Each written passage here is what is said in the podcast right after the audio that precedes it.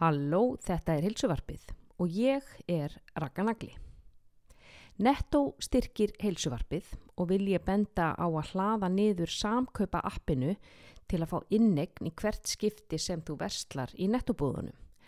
Sem og fjölmörg tilbúð sem koma einungis inn í appið og þá færðu afslátt í formi innegnar. Mér langar sérstaklega að benda ykkur á anglamark vörurnar en það eru danskar hágæða vörur sem eru lífrænar, ofnæmisprófaðar og frábæru verði. Til dæmis má benda þar á möndlumjólkina en hún er hræbilleg eins og danskurinn myndi segja. Nú þátturinn er einnig í bóði ná á Íslandi og langar með að mæla með beta-alanín sem er aminosýra og spilar líki hlutverki úthaldi vöðvans í lengri æfingum en Matthew Fraser sem er fimmfaldur crossfit mestari sagði í hlaðvarpi hjá Joe Rogan að hann tekur beta-alanín slavist og finnst hann fá þriðja lungað þegar hann gúlar þetta onni sig. Nú beta-alanín hindrar mjölkusýru framlegslu svo vöðvin getur unnið lengur þrátt fyrir að vera orðin þreytur. Beta-alanín fáið í háverslun, háverslun.is eða í háverslun sem er nýflutt á bílshauða nýju og þar er einnig að finna flottu spítóvörurnar, Houdini sem eru hágæða sænskar útivistavörur og einnig fáið þetta á náfoods.is og auðvitað í nettoverslununum. Um, ég vil einnig nefna að ég var að prófa nýja hlaupaskó sem að heita Altra og fást í Irberg og þetta er eins og hlaupa á skíanóðurum. Þeir eru með alveg vítt tásuhólf sem hendar mínum andafetum sem eru lappirnar á mér og sólin er svo kallaður zero drop sem þýðir að hann heldur að jamt við alla ylina. Ég hef nú prófað ansi marga hlaupaskó á mínum 24 árum í sölum ræktar og þessir skipa sér alveg á toppin. Og enda eru þeir fagur bleikir sem er auðvitað minn uppahalds, þeir sem ég þekkja. Nú það er heilmikið úrvala flottum skóm í Eirberg, þeir eru einnig með Vivo Barefoot skóna sem ég nota mikið til að styrkja á mér íl og, og tær og þið fáið frábæra þjónustu til að finna þann skó sem hendar ykkar fæti.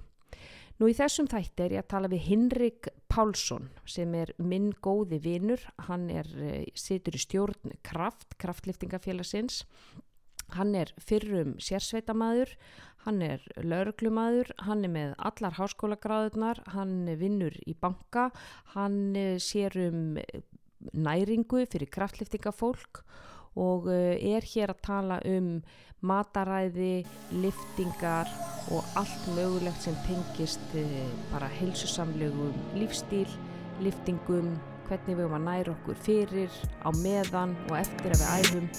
Mjög fröðlegu þáttur og vona ég að þið hafið gagn og gaman af. Gjör þið svo vel.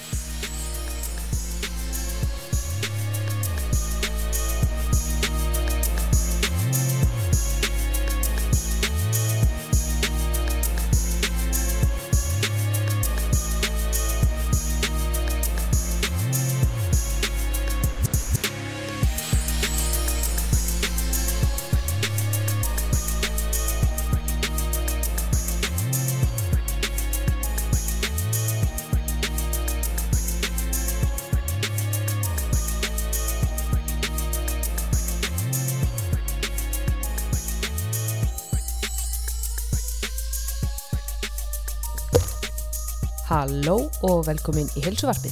Hér er ég komið með minn kæra vinn Hinrik Pálsson. Þú ertu blessaður. Sæl og blessið. Hinrik er maður með eh, fimm háskólagráður eins og hann segir sjálfur. Hinrik er með BA í félagsfræði, MA í ábrótafræði, hann er búið með laurugluskólan, hann er búið með master í viðskiptafræði, hann er að klára kraftleitingaþjálfara námið hjá Kraft og ISI, hann er búið með Working Against Gravity næringaþjálfunagráðu og þjálfarkurs hjá Fiercely Nutrition. Já, Fiercely Fuel Nutrition Fiercely Fuel Nutrition, er ég að gleyma einhverju? Þetta er svo maður, þú ert bara bjartfræða svona. Já, Já. námsfús maður með meiri Það má segja og, og forvitin. Og gáfaður og fullur af fróðuleik og þess vegna er ég búin að fá því hérna til mín því þú ert líka harður kraftlýtinga yðgandi þú situr í stjórnkraft og ert yðkar uh, kraftliftingar að kappi hjá stjörnunni Passar. í náttúrulega stórkostleiri aðstöðu, allt er leikó útbúið uh, og bara ég get ekki beðið eftir að koma hann inn og, og sjá þetta allt saman. Það verður eins og að fara í dótabúð. Já. Hvað segirðu? Hvenær byrjar að æfa kraftlýtingar? Þú er nú ekki alltaf gert það. Nei, ég hef í gegn tíðina alltaf verið mikið í íþróttum og, og var á yngri árum mikið handbolta og, og hef verið að hlaupa og lifta bara svona eh, almennt eh, svona setni ár þá tók ég góða skorpu í langklaupum og var að hlaupa meðan hans fór laugavegin þrísvar og það er rosalega gaman að því en það sem að ég lendi í var eiginlega var í sífældu meðslabrasi og sérstaklega með bakið og annað og svona á ákveðin tíampunkti þannig 2017 að þá ákvaði ég að leggja hlaupina eins og hilluna fann ég þyrfti að breyta eitthvað til í þjálfuninu og hérna rataði inn í kraftlýtingarnar byrjaði að æfa kraftlýtingar út á Seltjarnesi hjá kraftfélaginu. Mm. og það og bara leifði mér það bara einbeita mér algjörlega því og það opnaði bara algjörlega nýja vitt fyrir mér. Og e, ég snar skánaði líkamannum og svona þessi meðsli hurfu og bara svona fann mér eiginlega alveg nýtt sport sem að ég gjörsalega fjall fyrir Já, liftinga það maður, það er bara ekkert eins og liftingar. Nei og ég held að sko kýróprakturinn minn sagði að hérna bara á örfáum árum þá hérna ég þyrfti eiginlega nýja kennitölu því að líka minn að mér hefði yngst svo mikið við að fara í lýftinga þar og hérna Við þurfum að breyta fæðingaváttorunu. Já, og síðan ofan að það finnst mér alveg opbóðslega gaman að keppa og það er svakalega virt keppnistarf fyrir alla aldursflokka í liftingunum þannig að ég datt inn í það. Þú dast náttúrulega ekki inn í það, þú fórst náttúrulega að þjálfa hjá þjálfara sem heitir Ingimundur sem að kemur öllum inn í keppnir. Það er alveg sama hvort það sé einhver sko amma á vestubænum eða einhver harður lauruklumaður, það er bara allir skuli keppa. Já, hann, hann, hann, þetta laðist allt og eitt, það var engi stoppari og Já. hérna, þannig ég var mjög fljótt farin að keppa og, e, Og ganga vel. og það bara gekk vel, byrjaði að keppa hann á backpressumóti 2018 Mm og síðan bara leiti eitt á öðru og ég man eftir því hérna einhver tíman, hvort það hefur verið svona 2019 og segir yngi myndi við mig hérna, Henrik, þú ættir bara að taka stefnuna því að, að, að, að það að keppa alþjóðlega eftir einhver ár. Og ég sem bara, herri, já, ég geri það. Já, og síðan bara eins og ég segi þá hef, hef ég bara verið að æfa á fullu og það endaði síðan með því að ég fór um mitt fyrsta alþjóðlega mót núna í vor sem var EM Öldunga sem var út í Litáin já, sko, segðu hlustinu, hvað ertu gamall? ég sérst var 49 ára núna á síðasta sunnudag. Já, bara fyrir tveim dögum, Já, eða eitthvað. og- Já, Já, og hérna ég keppi sérst í aldursflokknum 40 til 50 ára núna. Ég er á síðasta árinu mínu í þeim aldursflokki. Þess að það var alveg sérlega ánægilegt á sínu fyrsta móta ég náði inn á pall í backbursinu og er þriðja sæti á EM. Það er rosalegt. og Á fyrsta maður, mótinu? maður var að keppa móti svona færtugum eins og maður segir unglingum. Já, og hérna ég lít bara björtu með um á framtíðin það er líka það svona skemmtilegt í kraftlýtingunum svo bara verið 50 ára næsta ári færist upp í næsta flokk 50 til 60 og og þá ertu yngstur þar. Já, þá er ég alltaf einhvern yngstur og þá hugsa maður með mér, já ok, nú getur maður að fara að gera kannski ennstæri hluti. Þá er þú unglingurinn í hópnum. Þá er ég unglingurinn í hófnum. Þannig að- að hérna... Hver er þín sterkasta grein? Í, þú veist, nú eru kraftlýsingar fyrir þá sem ekki vita, þetta er, þetta er backpressa, þetta er réttstöðulifta og þetta er nýbeja.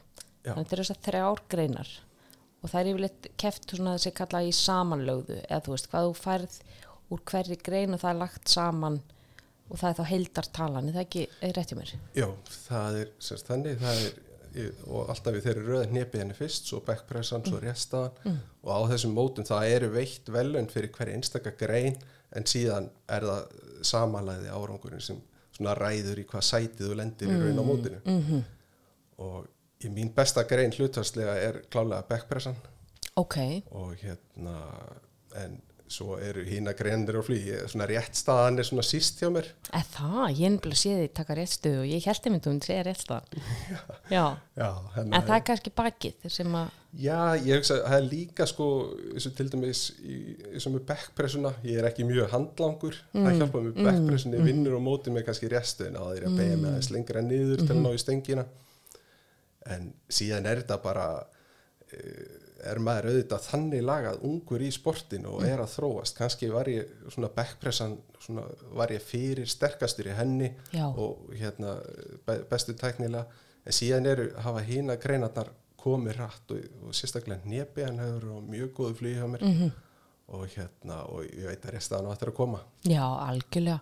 En það er eins og segir, þetta með hend, handa, handleggja lengdina, hún vinnur á mótimanni og, og einmitt ég finn það sjálf sko, ég er með eitthvað svona stuttar hendur sko, þú veist það er ná ekkert mjög langt, að sko mér gengur betur ef ég er með pínu hækkun undir, Já, þá, þú veist, ég, ef ég vinn með það, eh, þú veist, ég finn sko, ég fer aðeins að fá í bakið ef ég gerir það ekki. Einmitt. Þú veist, hvað er það er það hræðilegt að gera það? Nei, þetta er bara svolítið maður bara að vinna með hérna svona að- sín eigin anatómi Já, nákvæmlega, nákvæmlega. Við, við erum öll mismunandi, oft er nú sagt sko að, að svona tvær af þremur greinum hendi er vel og sér kannski með eina lélega. En, og, og svona einhver, en það er hægt að vinna bara heilmikið í þeim tæknilegu Já. veiklingu sem maður er með og maður hefur bara viss gen og, og Mhm. vissa útlíma lengt og allt það og síðan bara vinnum maður með það. Já, já, einmitt Æ, það er gott, já, þú veist, mann finnst svona Það stundum allir séns. Að ma- maður sé að svindla sko með því að setja eitthvað undir en, en þú veist, ég, ég finna bara ef ég ef ég gera það ekki að þetta er svona meira þú veist, ströggl eða þú veist, ég, ég fyrir að finna í bakinu sko. Já, þetta er eins og að sé á langt niður sko, hand, handleikinni maður er, maður er svona kortir í hobbita sko já, já það, það er sko mjög algengt sko fólk þegar er að æfa kraftliftingarnar þannig að við erum að æfa þessa greinar bara eins og það koma fyrir í keppni. Síðan erum við að gera mjög mikið af ýmsum æfingum eh, svona stuðningsæfingum. Mhm. og það er þá kannski til þess að- að targeta einhverja ákveðna veikleika eða við viljum styrkja okkur í ákveðnum hluta reyfingarinn mm Mhm. það sem að við vitum að svona kannski að hægist mest á stöngin eða, Mhm. eða hvar hún stoppar þegar við feilum á liftu mm hvað er strögglið sko? hvar er strögglega, þú veist, það er verið að taka rétt, rétt stöðu af upphækkunum af búkum, já, uh, fókus á efri hluta reyfingarinnar eða standa á lóði og, fó- og fókus á að þú eru að fara ekstra Já. djúft til að segja stöngina svona deficit já, svona deficit þannig Já. að, þannig að það er, það er heilmikla pælingar í kringu Já. það allt til að, að, að hérna yfirvinna ákveðna veikleika í liftunum pásaðar beigur já, pásaða beigur sem er náttúrulega bara verkfæri djöfulsins. Já, einmitt, ýmsar ýmsar geta reynd vel á þólum já, það er ótrúlegt. Maður getur ofta að strippa, strippa eins á stönginu og kingja egoinu og já, þegar maður er að pása alveg lengst hún í hólunni kannski þrjár sekundur og ég með það er aldrei þrjár sekundur aldrei að blengja líða sko, Já, eins og það þarna. mjög lengi að líða það eru mjög lengi að líða. Já, en þá finnur einmitt hvar er, hvar er punkturinn sko, hvar er punkturinn að þú fer að byggla þig, beita þér öruvísi veist, hvað æfir oft í viku? ég æfi kraftlendingarna þrísar í viku.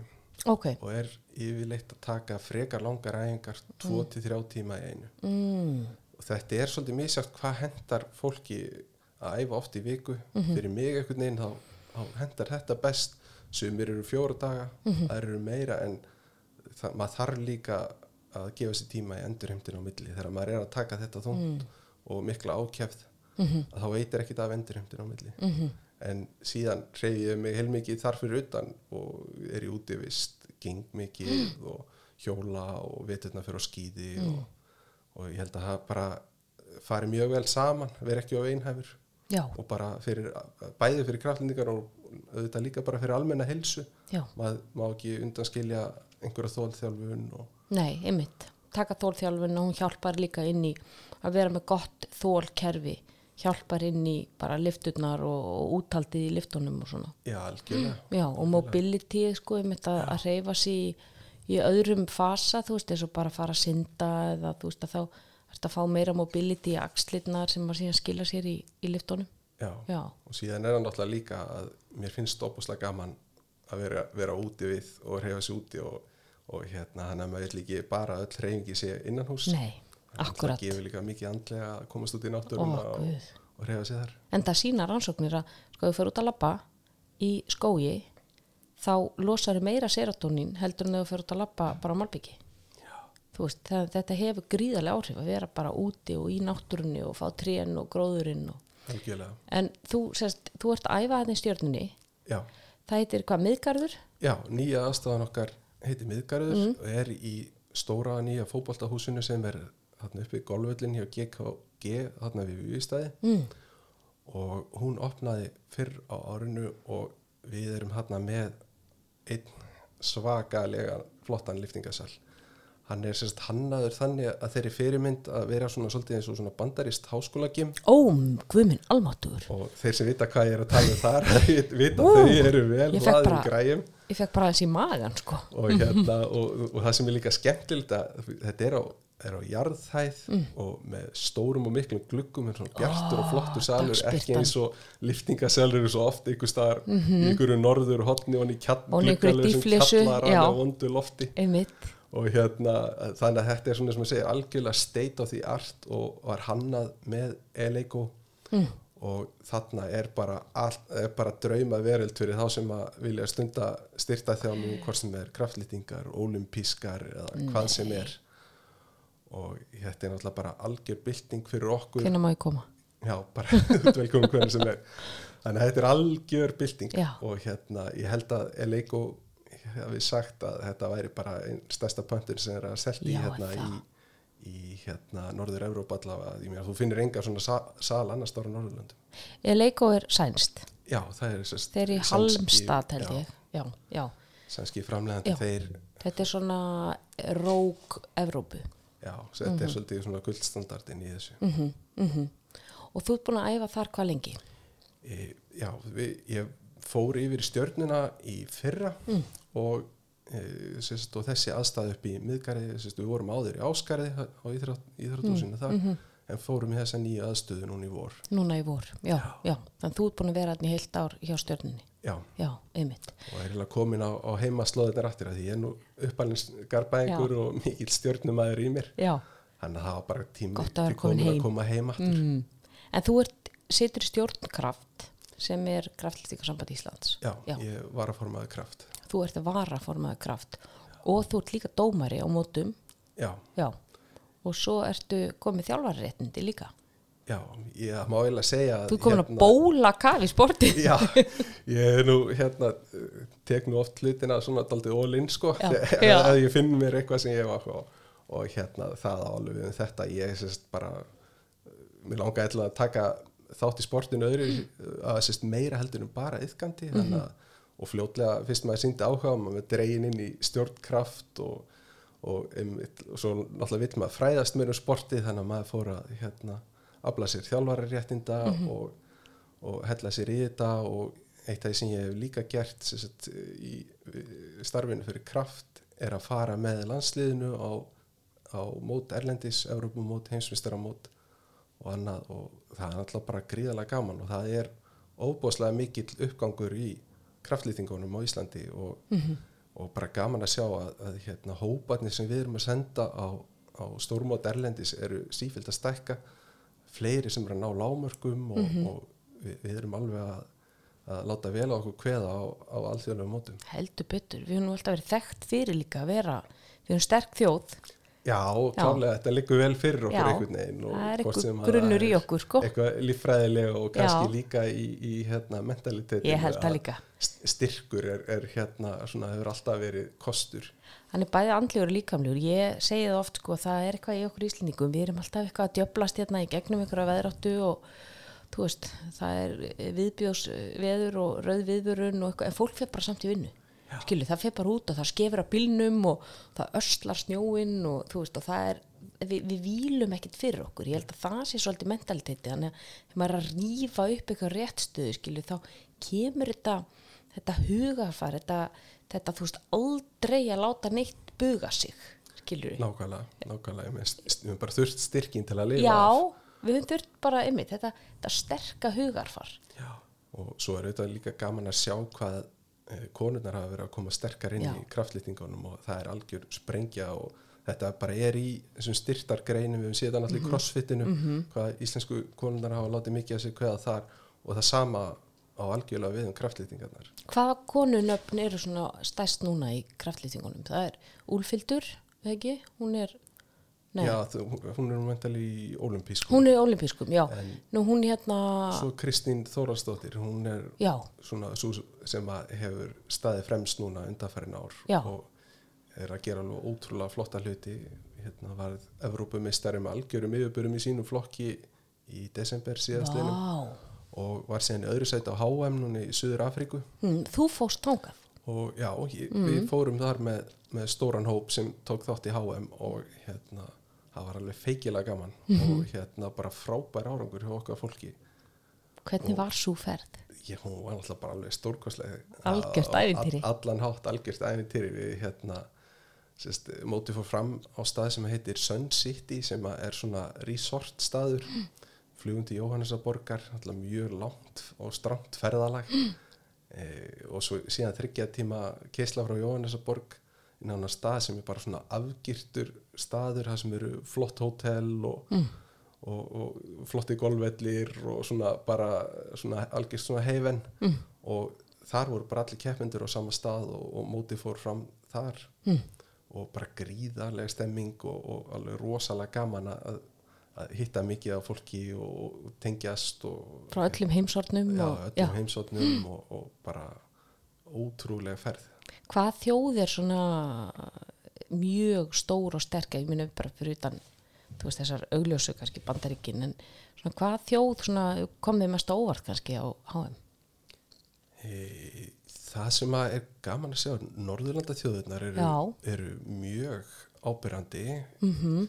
e, síðan eru þjóður til þess frakkar hafa verið að koma mjög sterkir upp og ekki síst í kvennaflokkunum. Ok, og þannig að þeir eru mjög stórir og, en það kemur hann óvart til dæmis og sjá bara veist að Ísland og Norðurlöndin eru með miklu fleiri keppendur heldur en margar svona meðalstórar Evrópuþjóður til dæmis. Já, og veist það er vikingablóðið maður. já, þannig að, að maður, maður sér þetta, þetta er svona daldi, daldi skipt sko, þessi til dæmis maður sér ekki að, er, að frakkarnir eru stórir þjóðverjarnir, maður hefði haldið til dæmis að þeir væru stærri. Já, og þannig að þetta er svona daldið koplótt sko. Já, já, einmitt, mjög gaman að sjá, síðan náttúrulega bandarækin eru daldið sér case já, því að þeir, þeir þar er nátt, náttúrulega kraftlendingar gríðalega stórar og óbúslega fjölmynd en þar eru fleiri sambönd það er ekki endilega sko, sambandi kraftlendinga, sambandi bandariska þeir gengu úr IPF sem er sem sagt alþjóða kraftlendingasambandið og það tengist því að þeir voru ekki tilbúinu til þess að lúta Te sem sagt, að láta testa sig. Já, e- þetta var sagt, tengdist á livjareglum og öðru, þeir voru ekki tilbúinu til að vera undir VATA og, mm Mhm. og olimpíunemdini og hérna, VATA er World Anti-Doping Agency. já Mm það er sérst, alþjóðlega livja eftirlitið og hérna, þannig að það var ágreiningur um, um það þannig að það, á endan þurfti að vísa að bandaríska enn út. En það var stopnað nýtt bandarískt samband sem að sérst, gekk þá inn í IPF í staðinn. Ok, þannig að þeir eru er svona, kom svolítið högt í þetta og sum, sumir hérna keppindur frá bandaríkjunu fóru skiptu til dæmis yfir og fóru að keppa fyrir bandarísku júmfrúæjarnar og, og svoleiðis. Oh. þurfti, þurfti eiginlega að gera það til þess að komast inn í keppnir síðasta frá ári. fara Já. ekki á bakdýraleið Já, þannig að það er alls konar svoleiðis þetta sem að getur haft áhrif á, á og svo náttúrulega núna til dæmis rússar hafa alltaf verið mjög sterkir en þeir náttúrulega voru ekki af augljósum ástæðum Já. með keppendur Nei. í Suður Afríku í ár Nei, þannig að það svona gengur auðvitað ymsu þannig auðvitað, já, já, já, pólitík og, og, og alls konar sem að spilast inn í. já, Já, já, einmitt. En þú tókst sem sagt þetta næringaþjálfunar nám hjá Já. uh, Working Against Gravity. já, það er svona smá baksa því kannski Já. að hérna ég sérst hef í liftingunum verið með bandarískan þjálfara sérst, Mhm. sem að þjálfa mig bara í fjárþjálfun og það hefur gengið mjög vel og e, en síðan um svona í lok síðasta árs að hérna þá langaði mig til að taka þetta en skrefinu lengra og, og bæta mig í næringunni Mm. og hún hefði verið svona upp og ofan ég náðu svona góðum köplum kannski og síðan dottið botnin úr því og, Mm. og allavega þannig að ég ákvaða sérst í gegnum hann hann þau hafði verið í samstarfi við þarna ákveðin næringaþjálfur sem heitir Kristín Lander sem er hjá þessu fyrirtæki hérna Fyrstli Fueled Nutrition Mhm. og Kristín sjálf er reyndar er virk sem keppandi í kraftlýtingum og er hjá sama kraftlýtingaþjálfara og ég ok, þannig að í byrjun núna þessa árs að þá skrái ég mig í þjálfun hjá henni og e, það bara er eitt besta skrif sem ég teki því að Já. bæði sá ég bara óbúðslega mikið mun á mínum eigin árangri hvernig bara allar tölur byrjuði að skjótast upp og ég sem held að ég hefði verið að næra mig svona köflum þokkalega sko, en svona með ekkit of stórum breytingum að þá hérna og svona skynsalega mataræði að þá bara fór allt að gerast. Og ég, ég, sko ég er ekki nokkru vafa en það til þess að árangurinn á EM þarna var að talsöru leiti og framfæriðnar fyrir það mót að þarfa mataræði að spila stóra rulli þegar þú þriða, þegar þú komst í Já. og hérna, ég bara var svo áhuga samur um þetta að ég byrjaði að stúdera þetta og, og tók þessa gráðu og síðan hérna, auglisti fyrirstli fjúöld eftir þjálfurum það voru að stækka en ég setti um í sambandi þau Mm. og endaði bara með því að það er orðið að auka starfi hjá mig núna að, að taka fólki í næringaþjálfun og svona einhverjum þá sem er í styrtagreinum Sko, talandi um aukastar, þú náttúrulega vinnur fulla vinnu í Arjónbanka, er í Íslandsbank Íslandsbanka, já, mitt. þannig að hérna Þannig að þú, þetta er svona auka, auka grein hjá þér. Já, þannig að þetta er svona aukastar og náttúrulega bara að lifa og hrærast í þessum kraftlýtingum og Þannig að þú ert í, í fullu starfi í bankanum, þú ert í stjórnkraft og ferð á mót og ert að dæma og ert líka með þetta. já, og, Ok. og er svo og, æfa og að keppa ert svo sjálfur. æfa og stunda út í vist. Já. Hvernar sefur þú? Hversu marga tíma í sólaringnum er hjá þér? Já, þetta, er, þetta getur nú stundu verið pínu og, og, það er sko að þú ert ekki með lítið börn. já, Já. Ég, ég er ekki þar Þú ert bara og með eina, eina uppkomna og já. Já, ég, og þetta er kannski svona ákveðins sweet spot í lífinu hérna þegar, börnin eru ekki líka smábörn og maður fær meiri tíma fyrir svona áhuga mála, þá getur maður leift sér þetta Já. að gera svona mikið en, en auðvitað fylgir því líka að maður þarf að passa alltaf streituna Já, og, og hérna, það er enda eitt af því sem að í þessari næringaþjálfun sem við erum með að e, það eiginlega, mætti eiginlega kalla þetta þetta er svolítið næringar og endurheimtar þjálfun því að við erum mikið að fókusa það að fylgjast með ekki bara hvað fólk lætur onni svo hvenar heldur líka hvernig stýrir fólk sínu álægi eins og til dæmis hvernig er svefnin hvernig líður fólki á æfingum er það uppfyllt á orku eða, eða alveg í kjallaranum? Hver er gæði æfingana ertu mjög stífur á milli æfinga miklar harsperur og líður illa í skroknum hver, hver er gæði svefsins hvað sefur um mikið mm. og svo framvegis hann, og hvernig gengur þér að stýra streitu mælið, hvernig mælið þessa þætti? Er þetta svona self-report? Já og, og eins líka erum við með okkar eigið app og við bjóðum upp á að þú getur tengt til dæmis eða þú ert með snjallúr þannig að við sjáum svefniðin þannig að við erum að trakka hlutaði, mm. hlutaði sem sagt, því sem við trökkum er þá að þú segir sjálfur ok, hvernig eh, var, ég, hvernig var orkan á þessari æfingu hver voru gæði æfingarinnar og hvernig líður mér skroknum á milli. En síðan getum við eh, trakka svefnin til dæmis sjálfkrafa með bara upplýsingum úr, úr, snjall, Úr- úr snjallúri Já. og til dæmis eins og eða með garmin úr hvernig mm. body batterið hérna se- sefur vel og vaknar uppfullur á orku eða bara var nóttin léli og þú vaknar bara á tómum tanki. Mm, þannig að þið eru með, það er sérstætt app sem er þýrsli fjúld. Já, Ok.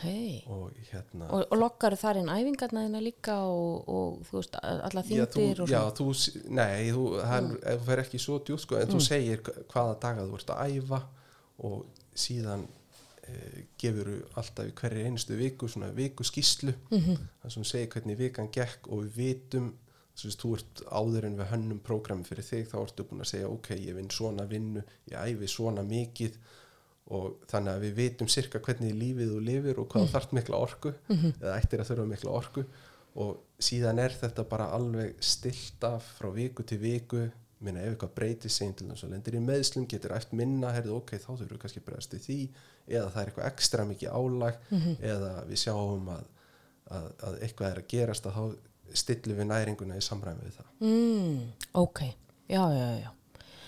Sko, hverju breytir þú í mataræðinu og segir sko, þú, þú ert þarna búin að vera uh, að borða, ég minna, þú veist nú þekki ég, ég veit alveg þú ert hugsa mjög vel um mataræði, en þú gera einhverjar smá breytingar og það bara verður bara einhver leikbreytir. Þú veist, getur sagt okkur frá því hva, hvaða breytingar gerðu sem að þú veist, var, var bætt í prótínið eða meiri kolvetni eða þú veist, Sko það sem að mataræðið mitt hafði kannski áður verið sko svolítið sveiflugjönd. Man náði svona góðum köplum og síðan þess á milli og tala um veikpunktur hjá mér var til dæmis alltaf að það kom mikið stress -hmm. og svefnin kannski var ekki alveg nógu góður að þá fór maður að sækja meira í einhver sætindu og óhaldlustu og bara keira sig áfram á einhverju skyndi orku og kaffi og, og öllu því en það sem að breytist hjá mér er að ég hafði kannski aldrei skráð nákvæmlega eitthvað niður hvað ég var að borða. Mm. og bara það að byrja á því að þá áttaði mig sá bara, heyrðu, ég er kannski er ekki að borða alveg eins og ég held mm. og það sem að sér fljótt kannski eins og með mig, ég sá ég var að borða til dæmis talsvert meira fytu en ég held þannig ég þurfti að minka hana svolítið. Ég var ekki að borða eins mikið af kolvetnum og ég held ég þurfti að auka við þau. Og líka auka við próteinið og passa að borða það meira reglulega mm. að, að, að hafa prótein í hverju máltíð. Mm, en síðan kannski eitt það stærsta sem að breytti miklu fyrir endurheimt hjá mér og, og það var hvernig ég nærði mig kringum æfingar. Mm, það er að segja að, að mæta rétt nærður á æfingarnar næra sig á æfingum ég var nú að taka tiltöla langar liftingaæfingar og síðan kannski það sem að var að klika mest á hvernig maður næri sig eftir æfingarnar. Já. Að þar var ég til dæmis að klikka á því að það gæti liðið langu tími frá því ég kláraði æfingu og þá gæti ég borðað eitthvað. Ah, hversu langur þá? það gæti alveg verið og tala um þegar ég var að æfa í Vesturbænum í Reykjavík, þetta heim í Garðabæ sko, þetta maður eftir að keira heim og kannski fara í búð líka og eitthvað, það gæti alveg Og að elda og að græja eitthvað mat gæti alveg verið 1-2 tímar gæti til að maður fekk sér eitthvað eftir sko þryggja tíma æfing já, og hérna, en það sem að, að ég breytti er að ég fór að taka inn eftir hver æfingu, strax og æfingi var búin bara í salnum og bara með, með mér eitthvað auðmelt prótein já, og, og góðan skamta kolvetnum. Og þetta Bara startar negldirðu í Já.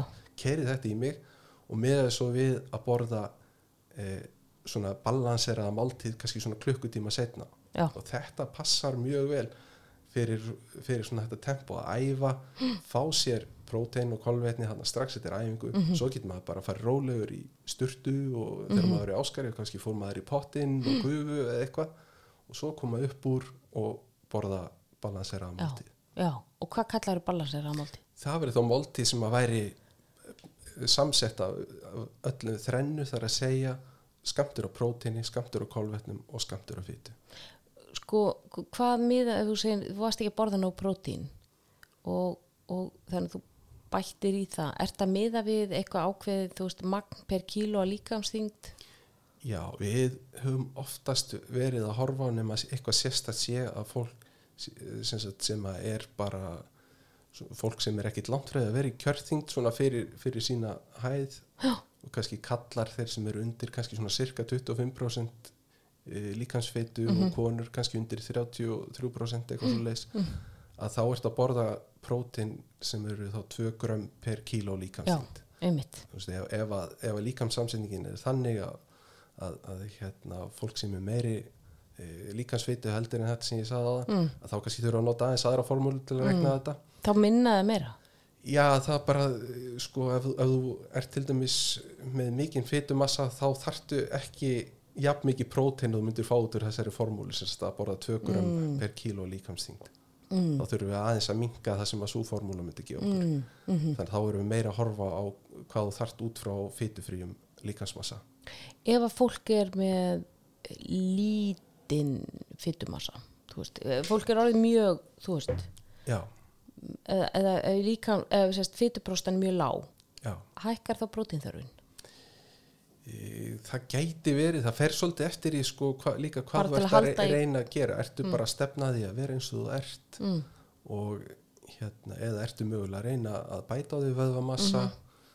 eða annað þannig, þannig að það er svolítið stilla. En svona þú væri nú líklega eitthvað stærri kringum þetta svona Já. 2 gram per per kíló, það er rosa gott við mig það er svona það sem að, ma maður all, er alltaf hýrt en síðan bætist annað við og það er hvernig þú dreifir þig við daginn. Mm, og það er þannig að líka minn getur kannski ekki nýtt meira en svona 40 grömm í einu Já. af próteini. Já, þannig að hefur ekki mikið upp á sig að vera að taka mikið stærri skamti það í einu. Nei. þannig að þú vilt þá dreifa þessu hérna á daginn hafa kannski þrjá tíma, fjóra tíma á milli já.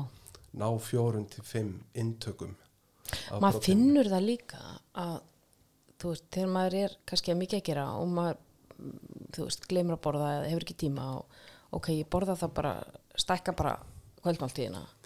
Og Já. þá er það kannski að borða stærri skamt af prótína, ég alltaf að fyndi það bara ok, ég tek bara meira prótín.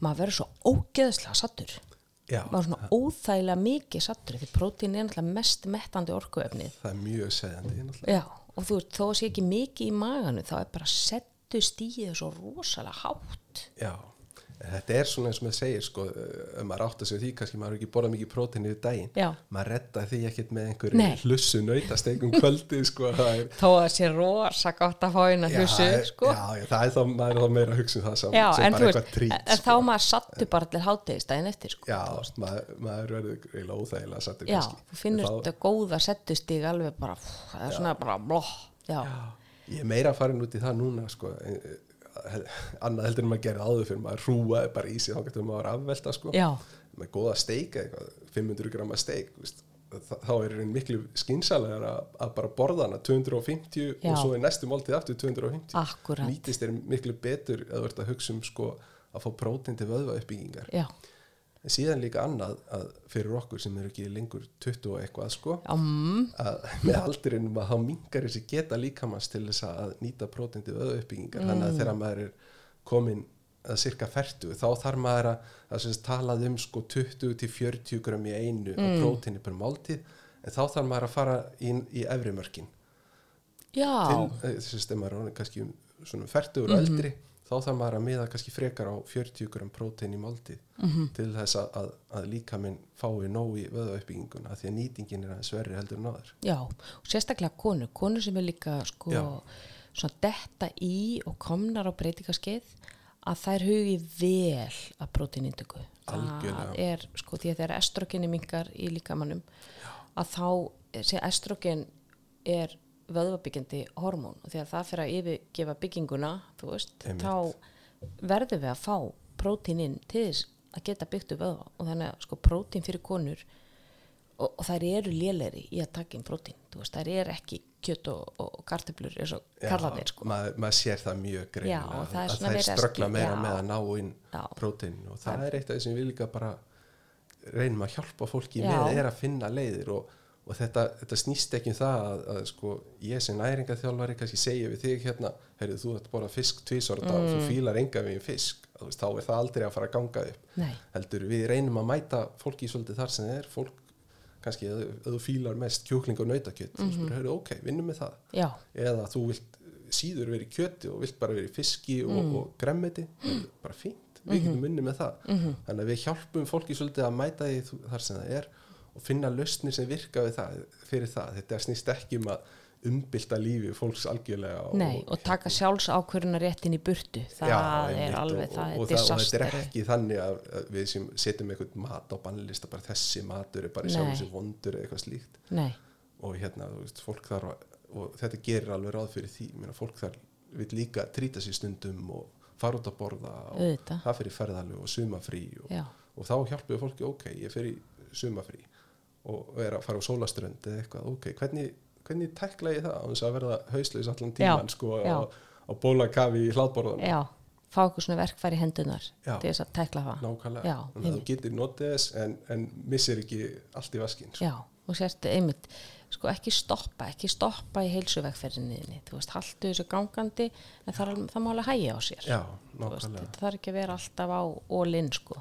Þannig að þú ert, sérst, ert, ertu með einhverja keppindi núna, nú, nú ertu í sko þessu þjálfaranámi og þú ert með þessa næringaþjálfun, Já. þannig að þú ert komin með einhverja keppindi, þú varst að segja mig líka frá því þegar þú komið sérsveitina. Já, ég er ja, meðal annars með eitt sérsetamann sem Mm. er í þjálfun hjá mér, hann er reyndar að stefna á e, meiri árangur í hlaupum mm. þannig að það er allir gangur að því svo er ég með kraftlýtingafólk og síðan hef ég líka verið með fræðslu eins og til dæmis nú erum við að fara með uh, unglingarnarsliði kraftlýtingum á Norðurlandamót Mm. og hluta undirbúinu þar var að vera með fræðslu fyrirlestu fyrir þau Mm. og þannig að þetta svona kemur á ýmsum vikstöðum Já, þú náttúrulega varst sjálfur í sérsveitinni. Jú, jú, það er Já. rétt Þú náttúrulega fyrir um lauruglumæður og sérsveitumæður. Já, Já, þannig að þú ert, þú, það, sko, í sérsveitinni, þar náttúrulega, er það ekki rétt hjá mér? Það, sko, mér minni nú eins og ég hef nú séð sérsveitumennin að vera að æfa í völdklast. Þetta eru menn sem þurfa að halda sér í gríðalegu formi. Þeir eru að hlaupa með þingingarvesti, þú veist, Já. bara í vinnunni. það, já það, það er að mörgu leiti bara eins og að vera hálfgerður atvinn íþrótta maður Já, að vera í sérsveitinni og þú þarfst að vera í mjög góðu allega formi mhm, og bara vera tilbúin í hvað sem er mhm, þannig að þú þarfst að vera með góðan styrk, gott úttald og auðvitað mjög sterkan haus já, já, ég trúa því. Þetta er eina, eina sveitinu lauruglu sem á að bera vopnið, ekki? e, Já, þeir eru náttúrulega með langmestu þjálfunina í því en það er reyndar eru almenn lögreglumenn líka þjálfaðir Mm. í vopnaburðu og geta þurft að taka vopnum fram ef að aðstæður kalla á það Já, já, þannig að og, og, og svo þjálfunir er held ég árin almennari heldur en áður var já, já, þannig að svona í neyð getum við bröðist við já, já. Við erum til dæmis út á landi og það sem er langt í aðstóð En notar eitthvað af, þú veist, þinni reynslu úr sérsveitinni, þú veist, getur notað, uh, þú veist, þjálfunina og það inn í það sem þú ert að gera núna, eða þú veist, er þetta eitthvað svona sem sittur eftir, þú veist, voruð þið mikið í styrtaræfingum þar, eða þú veist, voruð þið að æfa crossfit, eða þú veist, hva, hver var ykkar þjálfun? það var já, ég myndi segja ka- kannski það sem að gagnast menn mest og sitir eftir er náttúrulega bara hugafarið Já, og hvernig þú nálgast verkefni og, og Mm. setur þið markmið og, og, og stillir upp verkefnunum hvernig þú ætlar að klára þau Mhm. og auðvitað mjög margt almennt úr þjálfun, styrtarþjálfun og þóli og annað Mhm. gagnast menn alltaf mjög mikið en ég held fyrst og fremst þetta hugafar keppnishugafar að Mm. þú getur klárað ótrúlegustu verkefni sem verðast óyfirstíðanlega við fyrstu sín mhm, og hérna að hugsa nógu stórt, hugsa út fyrir kassan mhm, þannig að allt þetta held ég að sé svona dyrmætasta leksjan sem maður tekur með sér út úr því. Já, en það sér maður sko marga, þú veist, eins og í bandaríkjunum sem eru koma úr, þú veist, síl já, og koma úr uh, hernum sem eru að keppa í svona, uh, þú veist, þessum svona erfið eins og crossfit og kraftliftingum og einhverjum ultramarathon og einhverjum svona, þú veist, útaldsgreinum það er eitthvað það er eitthvað hugafaraðan það er eitthvað svona það er eitthvað, það er eitthvað mindset mentalitet sem að þetta, þú veist, að, að geta bara biti á jakslinn og þú veist, allar frumur líkamanns eru að garga á þig, faraði heim og horfa á Netflix og hættu þessu rugli þú að nákvæmlega, nákvæmlega. Já. það sér þetta oft svona svolítið skína af fólki, það er bara ákveðin fókus og Já. einbetting og Já. svona ákveði væp já, að það er bara, fólk er bara mætt hérna, það er tilbúið í ákveði verkefni sem það ætlar að klára þó að verkefni virðist vera algjörlega fáralegt og, Já. og þú bara ætti ekki vera nokkuð leið að klára þetta. Nei, og þú ert í miðju verkefni og þú þú ert að hugsa þetta er viðbjóður og ég er hérna að fúsum og frjálsum vilja já, en þú ætla samt að klára þetta. Bara ekki hægt er ekki til í Nei, orðabókinni einmitt, ekki hætta ekki gefast upp, klára. Já, akkurat, já, já, einmitt. En sko þú, sérst, þú ert með unglingalandsliðið uh, og þú ert að, að þjálfa, þú ert með hérna sérfættumann sem er að keppa í hlaupum, ekki kraftliftingum já, hvernig myndur þú stilla af næringu fyrir hann versus kraftliftingamann hver er munurinn?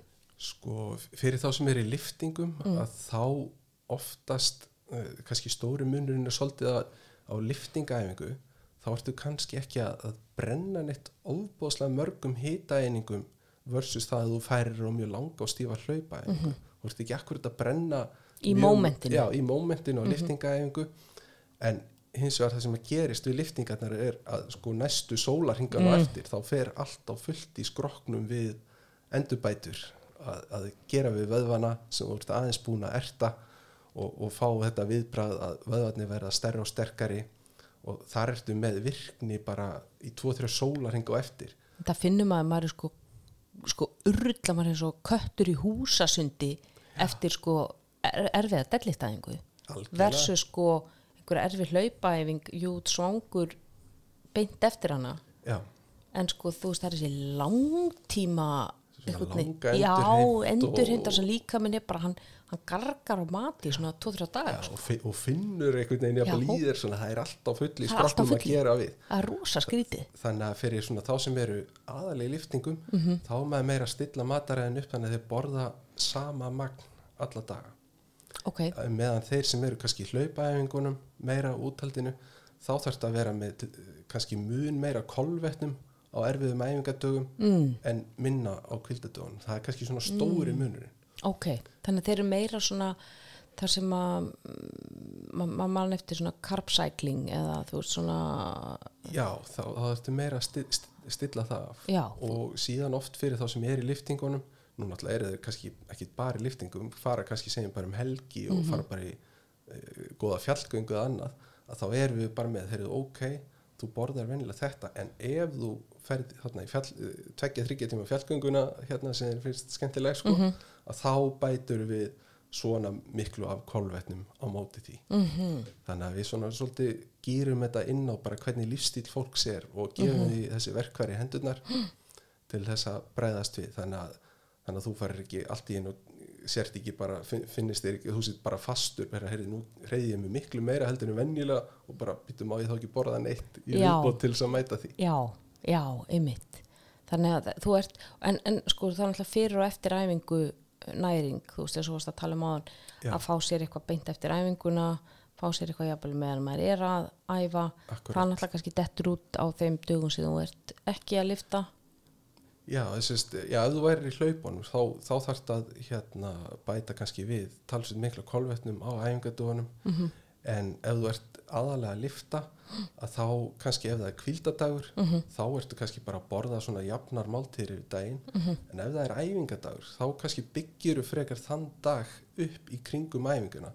Þú veist þá kannski að þannig að fyrir æfinguna þá ætla ég að vera búin að borða alltaf mikið af kolvetnum og mögulega á æfingunni sjálfri og þarna strax eftir. Þannig að þá færist þungind aldrei til bara innan dagsins. Við, erum við erum kannski með sama magn en við notum aðeins aðra taktík. Stillið af í kringum æfinguna. Já, Já, þetta erum við að, að hérna, líka svolítið að kenna þeim sem er í þjálfun hjá okkur að gera. -hmm. þannig að þau mæti alveg full á orku á æfingarnar og byrji svo endurheimtina rétt þarna strax á eftir. Já, það sem að það sem að sko líka bjútið við sko liftingarnar og, og ymmit sko þessa nálgun sem þú ert að kenna og predika er að borðaðu þú veist, ekki hættum að vera að sko svelt okkur og vera í kardió til að vera eitthvað minni og mjórri heldur liftingarnar eru borðaðu, nærðu þig, verður stærri og sterkari. Já, það er líka það sem er algengast að við sjá, jafnvel hjá fólk sem er komið bara mjög langt í sínum íþróttum að það kemur til okkar kemur í ljós að það er að þetta eru íþróttamenn sem æfa óbúslega mikið í Já. jafnvel, að þeir eru að borða allt og lítið. Já, og, það, og stundum eru jafnvel að borða og lítið eru jafnvel í, í hérna, íþróttum það sem eru þingdaflokkar eins og til dæmis er í kraftlýtingunum og eru kannski komnir í ákveðnar ógöngur Mhm. se, segja, herri, ég er að æfa hérna fullu og mér langar að létta mig og svo fyrir við að skoða hvað viðkomandi er að borða og þá er það kannski bara allt og lítið Já. og hann, veit, hann er að spá, ég geti hjálpað mér að fara enn neðar til þess að létta mig og líka minni náttúrulega á þeim tímapunkti komum bara í bullandi mótstöðu Mhm. og hérna spinnir á móti og jafnvel þú mingi kaloríunar á villan ekki léttast Mhm. það er allt í vörn og hann hægir bara á þér þú meiðist og, og svo framvegis og þið líður illa andlega og í þeim tilfellum þá þurfum við kannski að taka okkur svolítið langan tíma í bara sem kallað er svona reverse diet þá Já. þurfum við að eh, vinna viðkomandi svolítið hægt og rólega upp Mhm. auka við hann kaloríunar fá líkamann svolítið og brennsluna í gang aftur Mhm. og e, síðan er þá hægt, mögulega hægt að taka eitt skref niður og ef viðkomandi þarf að léttast eitthvað Mhm. En, en þá er hann líka að sko farin að borða miklu miklu meira líður miklu betur, miklu orku meira æfingum, gengur allt miklu betur og það verður ekkit mál ef viðkomandi þarf að taka sér einhver kíló að gera það á þess að komi niður á árangurinn hjá viðkomandi. Já, og án þess líka bara skemma alla lífælisfræði en það meira sko. Já, því að fólk getur verið komið í vandræði eins og til dæmis búið að skatta hormonakerfi í sér og Já, sérstaklega konur. já, Já, síðan kannski annað sem ég vildi nefna í þessu sambandi að sko hvað eru raunhefar væntingar til dæmis eins og um þingdatap mm sko, ég var bara um daginn að þá googlaði ég bara, þú veist, svona, hvað er svona healthy weight loss rate? Mhm. og svarið sem þú færð eða allstaðar er, já, það er eðlilegt að þú geti lest um svona hálft til eitt kíló á viku mm. á, á heilbriðan hátt. Ok, hálft til eitt kíló á viku en það er ekkit sagt neitt meir mm. Býtu, hálft til eitt kíló á viku gæti verið raunhæft fyrir eitthvað sem er 150 kíló. Já, en það er engan hátt raunhæft fyrir kannski sem bara 70 kíló á konu sem er að hugsa um að fara niður um 5-10 kíló. Sko raunhæft þingdartap á þess að hafa skadlega áhrif og til dæmis á, á árangur, íþrótt eða, eða jafnvel bara heilsuna er kannski bara kringum hálft prósent af líkamsþyngd á viku. og fyrir einhvern sem er 70 kíló minna, þá er það kannski 350 gram hálft prósent. Og þú vilt jafnvel fara hægar kannski 0,4 þannig að sko þetta finnst manni því miður er eitt af svona, þessum svona skadlegu mítum sem að er aðna úti.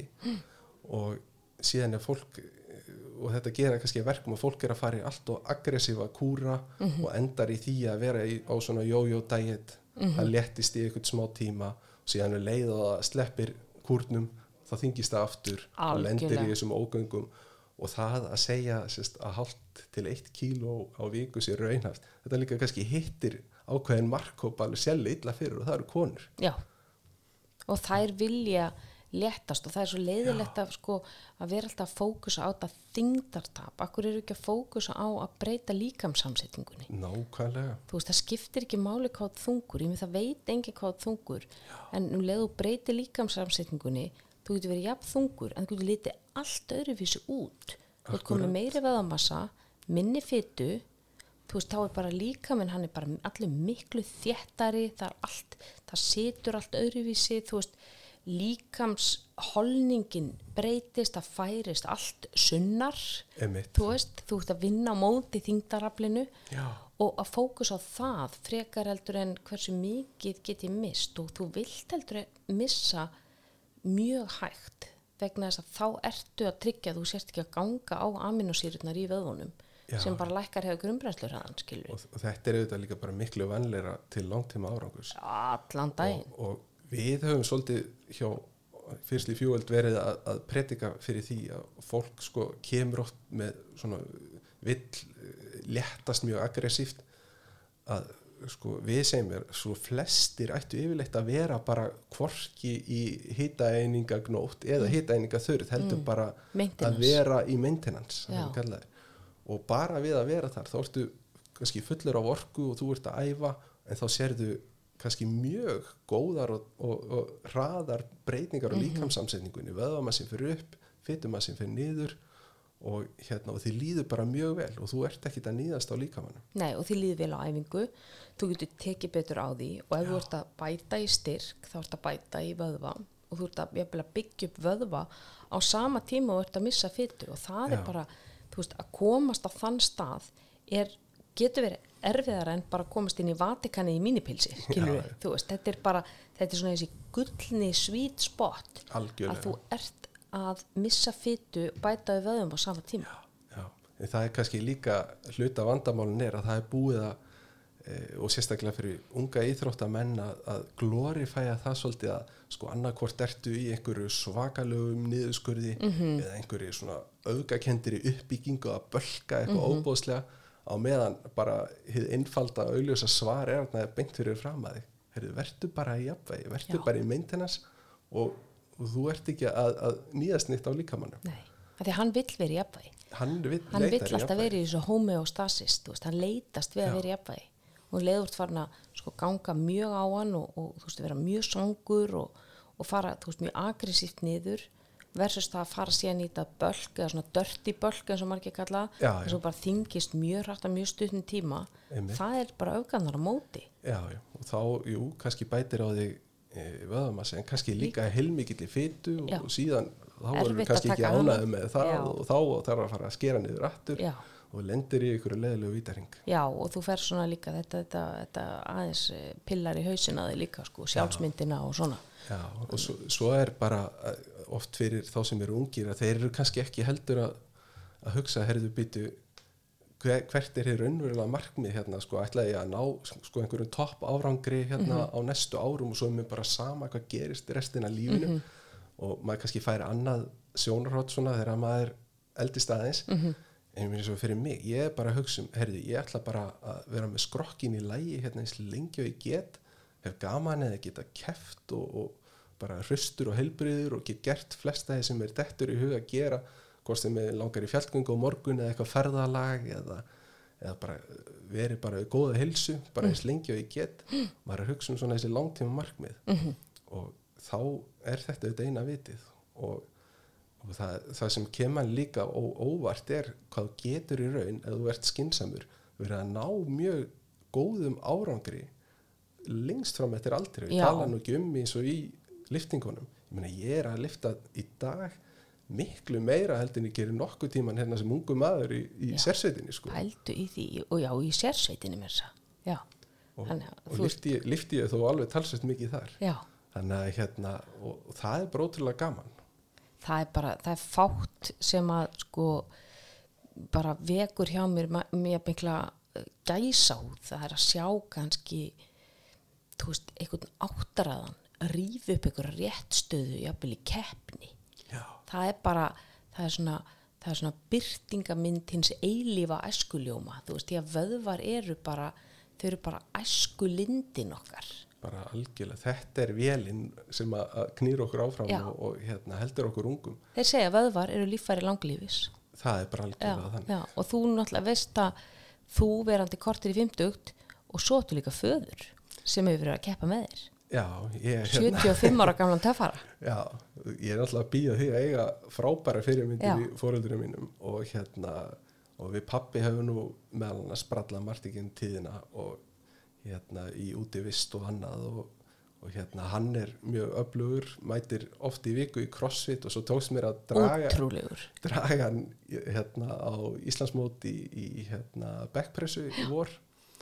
Og hérna sveimi þá ef hann er ekki bara jafnvel að undirbúa sig undir Íslandsmót núna í gamli, að taka alla greinar gamli hvað tók hann í bekkun? Herði, hann tók 65 kíló já, ég meina hann er að taka yfir 100 kíló í restöðu og, og er hátt í 100 kíló í, í nébegju þannig að hérna, og hann er 75 ára hann er 75 ára Það er ótrúlegt. Það er allt hægt. þannig að það er allt hægt og, Já. og þetta er það sem að maður á að stefna á Auðvita. Að vera ennþá, Hinrik, við verðum ennþá að begla játn sko hérna saman í eileik og höllinni 95 ára sko. það er Ég- engin spurning Ég er að segja það er bara eins og að segja beigðu eða deyðu Begðu það deyðu. Við dettum til að gleyma. Já. En Hinrik, það er búið að frábært að fá þig. Þú ert náttúrulega endalus uppspretta af fróðuleik þegar kemur að öllum þessum. Hvað með þegar fólk vill, eða sérst, ef einhver vill hafa samband við þig og fá bara þína ráðgjöf og bara þína þjálfun, hva, hva, hvernig snýr maður sér í því? Það er auðvöld að finna mig á Instagram bara Mhm. undir Henrik Pálsson uh, síðan er Fiercely Fueled Nutrition er með heimasíðu það er hægt að googla það eða Mhm. finna, finna það á Instagram líka Það er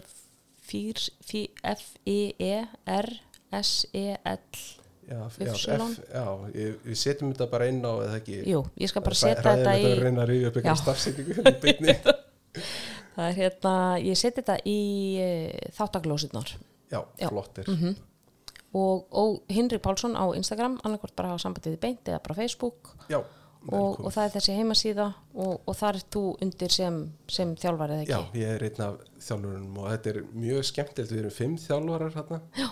og þrýr í bandaríkjunum, ég er hérna í Íslandi, svo er einn í Suður Afríku Já, og ég reyndar hef bara hitt einn af hinnu þjálfurinu þó við tölum mikið saman en það var sérst í Suður Afríku þegar ég fór á HM En þá náðum við að hittast á, á hinsmjöstarumótinni kraftlýtingum vá, og æðislega þetta er mjög, er mjög skemmtilegt svona, þetta er mjög skemmtilegur bræðingur af, af hérna, fólki í þessum áttum.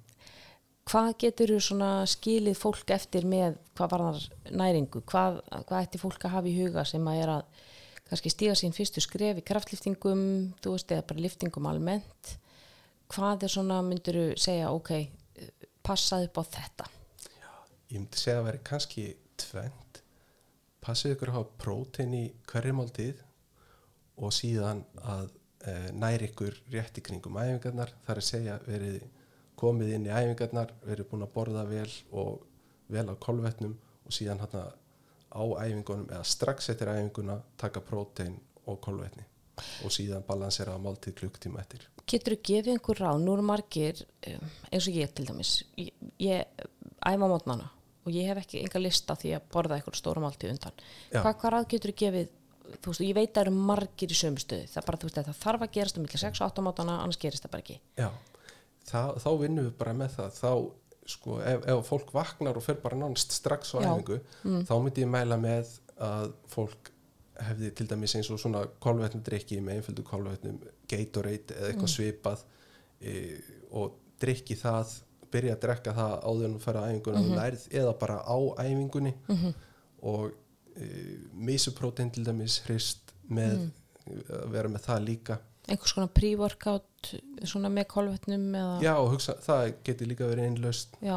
Ég nota BCA Blast frá Ná, Já, það eru BCA aminosýrur, lúsín, isolúsín já, og vera kannski bæta þá einhverju smá dextrosa út í það. já eða- til dæmis já, dex, dextrosa eða eitthvað Já. kolvetnum duft já, eða setja allir saman við einhvern svona Gatorade drikk eða, eða, eða þannig drikk mhm, og, og drekka það, byrja að drekka það ef þú nærði í fyrir æfinguna eða bara jafn hliða á æfingunni. Mhm, og, og hérna það er líka hægt að bjarga sér og þetta að vera með þessuna með þurft morgunkott já, og svona þess að þú vilt bara fá þessi einföldu kolvetni. Já, geitir, ef þú nærði að skelli þig sko ristuðu bröðum með sultu eða Mm. rískökum með sultu eða eitthvað slíkt þá er það líka löst mm, þannig að fyrir svona, þeir eru svona stutt í æfingu og æfingun sjálfur þá viltu vera fókus á einföld kolvetni. Mhm, og svo bara borða bara um leið og maður er búinn. já, og, og hérna sérst, rétt fyrir æfingu á æfingun og strax eftir þarna þá passa að hafa ekki fyturíkt fæði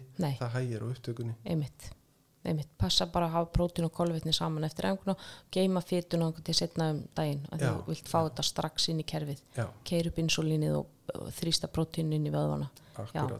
Og konur ekki fasta eftir æfingu, please. Nei, það Nei. er eitt af því sem að mann hefur fundist að sko svona föstur það er henda ekki vel þeim sem er í styrtagreinu því að þá þegar þú ert að fasta kannski talsverðan hluta deginum að stór hluta deginum þá ertu í raun að missa af þessum svona prótein Já. gluggum þar sem getur verið að taka inn prótein til að byggja upp vöðvana. Þetta er svo, svona að missa strætó svolítið sko. Já, sko ef þið viljið nýta föstur og það sem það er að gefa bara hættið að borða eftir kvöldmatt og borðið þessu bara morgumatt Já. við erum bara með þess að náttúrulegu fostu sem er frá kvöldmatt til morgumattar akkurat, Já, vegna þess að hitti er bara föstur henda konum mjög illa og bara öllum sem stundar líka styrta þjálfun, crossfit harðaræfingar. Amen. Elsku fólk, borðið, amen. Hinrik, frábært að fá þig takk kærlega fyrir komuna Takk og til kærlega fyrir mig. ykkar lustinni góður, takk kærlega fyrir að hlusta á heilsuarpið og þang til næst, verið bless